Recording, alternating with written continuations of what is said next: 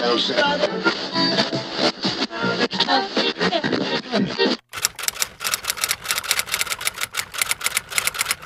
Gülkan İnce. SGK 4.0 Radyo'dan herkese merhaba. Bugün 11 Ocak 2022 Salı. Şu anda çalışma hayatına ilişkin gelişmelerin yer aldığı Türkiye'deki ilk podcast kanalını dinliyorsunuz. Köşe Yazıları programının 3. bölümündeyiz. Bu programı dinleyerek çalışma hayatına ilişkin köşe yazılarını özet olarak takip edebilirsiniz. Detaylar haber bültenimizdedir. Bültenimize SGK 4.0 internet sitesi üzerinden ücretsiz olarak üye olabilirsiniz. Bugün sizlere 10 Ocak 2022 tarihli toplam 8 köşe yazısına ilişkin özet bilgileri aktaracağım. SGK 4.0 Radyo'yu dinlediğiniz platform üzerinden takip etmeyi, bildirimleri açmayı ve beğenmeyi unutmayın diyerek programa başlıyorum. Birinci yazı.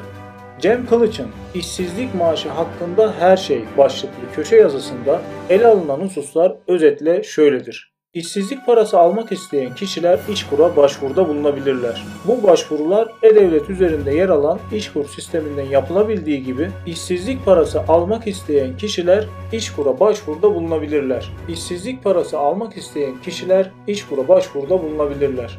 Bu başvurular E-Devlet üzerinde yer alan İşkur sisteminden yapılabildiği gibi İşkur'un kendi internet adresinden de yapılabilmektedir. İşsizlik parası başvuruları iş sözleşmesinin fesinden itibaren 30 gün içinde yapılmalıdır. 30 gün geçtikten sonra başvuruda bulunulması durumunda işsizlik parası geç kalınan günler düşüldükten sonra ödenmektedir. Geç başvuru yapılmasına ilişkin mücbir bir sebebin bulunması durumunda işsizlik parası kesintisi yapılmadan da ödeme yapılabilmektedir. İşsizlik parası almaya başlayan kişinin yeniden çalışmaya başlaması, emekli olması, iş kurum meslek geliştirme, edindirme ve yetiştirme eğitimlerine haklı nedeni olmadan katılmaması, iş kurum çağrılarına cevap vermemesi ve yine iş kurum kendisine teklif ettiği ve son mesleğine ve kazandığı paraya uygun olan ikamet ettiği yerin belediye mücavir alan sınırları içerisinde kalan bir işi kabul etmemesi durumlarında işsizlik parası kesilmektedir.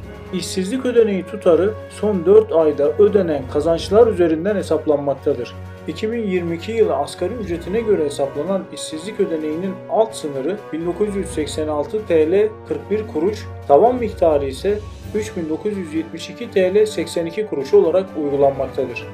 İkinci yazı Fatih Acar'ın doğum sonrası sigortalılara tanınan önemli bir hak başlıklı köşe yazısında ele alınan hususlar özetle şöyledir. Kadın işçilere 1 yaşından küçük çocuklarını emzirmeleri için günde toplam 1,5 saat süt izni verilmelidir. Süt izni süresini hangi saatler arasında ve kaça bölünerek kullanılacağını işçinin kendisi belirleyebilir. Anne süt izni hakkını işin bitiminde iş yerinden 1,5 saat önce ayrılarak veya öğle arası dinlenmesiyle birleştirerek kullanabilmektedir.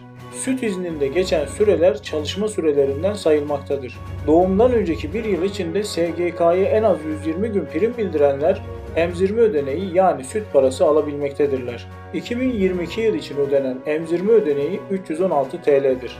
Üçüncü yazı Noyan Doğan'ın Özel emeklilikte yeni dönem başlıyor başlıklı köşe yazısında ele alınan hususlar özetle şöyledir. Besteki birikimler son yıllarda değerlenmiştir ve rekor sayılacak getiriler sunmaktadır. Acil para ihtiyacı olanlara besteki birikimlerinin bir kısmını kullanma hakkı getirilmiştir. BES'te belirli bir süre bulunan katılımcılar BES'ten ayrılmadan kendi birikimlerinin en fazla %50'sini kullanabileceklerdir. Devlet katkısı hesabındaki birikim tutarının kullanılması söz konusu değildir. Katılımcılar BES sözleşmelerini teminat olarak gösterip bankalardan kredi kullanabilecekler. Yeni düzenlemeyle otomatik katılımdaki 45 yaş sınırı kalkacaktır. Yasa çıktıktan sonra yaş şartı olmadan tüm çalışanlar işverenleri tarafından BES'e dahil edilebilecektir. BES'teki %25 devlet katkısı %30'a çıkartılmıştır. Toplu para ödeyenlerin devlet katkısını aşan tutarı sonraki yıllara aktarılabilecektir. Dördüncü yazı Mehmet Bulut'un İsteğe bağlı sigortalılar 2022'de ne kadar prim ödeyecek? Başlıklı köşe yazısında ele alınan hususlar özetle şöyledir. Sosyal güvenlik sisteminde zorunlu sigortalılık kapsamında olmayanlar özellikle de ev hanımlarının emekli olabilmeleri için isteğe bağlı sigorta ile prim ödemeleri mümkündür. İsteğe bağlı sigortalı olunması durumunda emekli aylığı ve malulük aylığı alınabilmektedir. Şartların oluşması durumunda hak sahiplerine ölüm aylığının da bağlanması söz konusudur. Yine sağlık hizmetlerinden de diğer sigortalılar gibi faydalanabilirler. İsteğe bağlı sigortalılar sağlık hizmetlerinden de diğer sigortalılar gibi faydalanabilirler.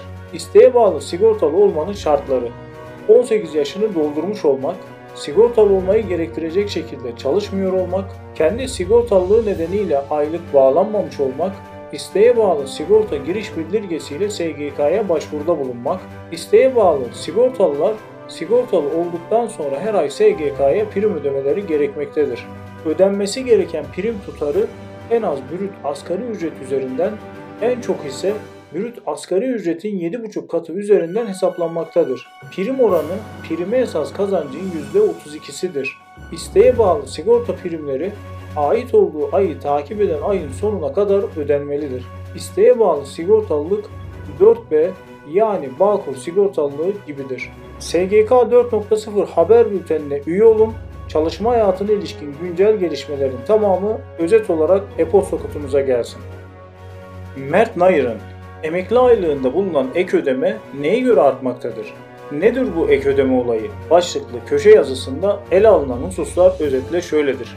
Emekli aylıklarında bulunan ek ödemeler eskiden yürürlükte olan vergi iadelerinin karşılığıdır. Ek ödeme oranı emeklilerin çıplak maaşının %4'ü olarak hesaplanmaktadır.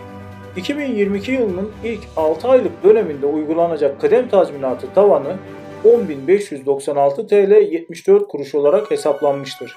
Borçlanma tutarının hesaplanmasında başvuru tarihindeki prim tutarları dikkate alınmaktadır. Ödemeler ise tebliğ tarihinden itibaren 30 gün içerisinde yapılmalıdır.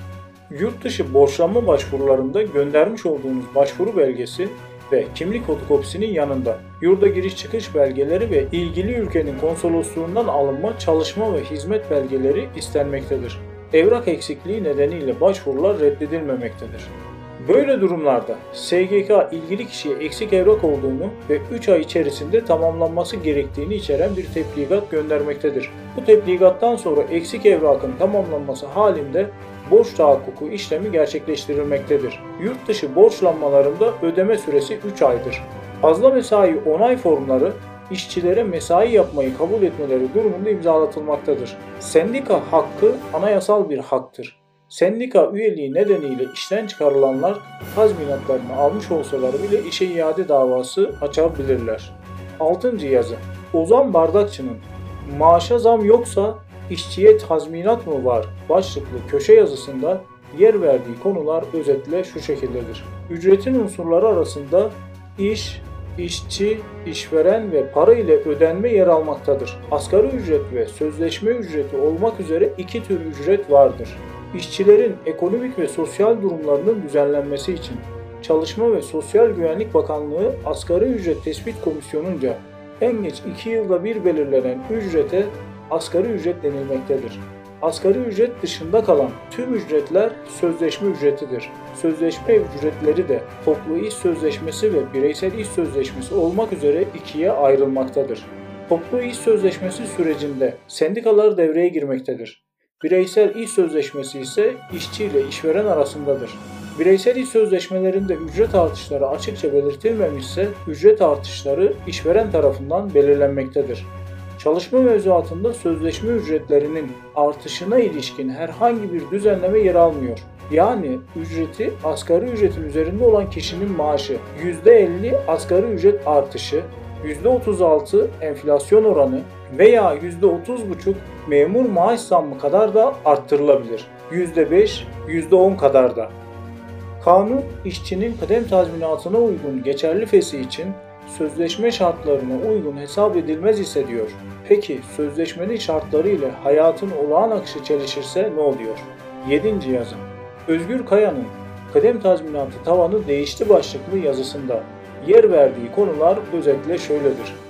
İşçinin işe başladığı tarihten itibaren iş sözleşmesinin devamı süresince her geçen tam yıl için işverence işçiye 30 günlük ücreti tutarında kıdem tazminatı ödenmektedir.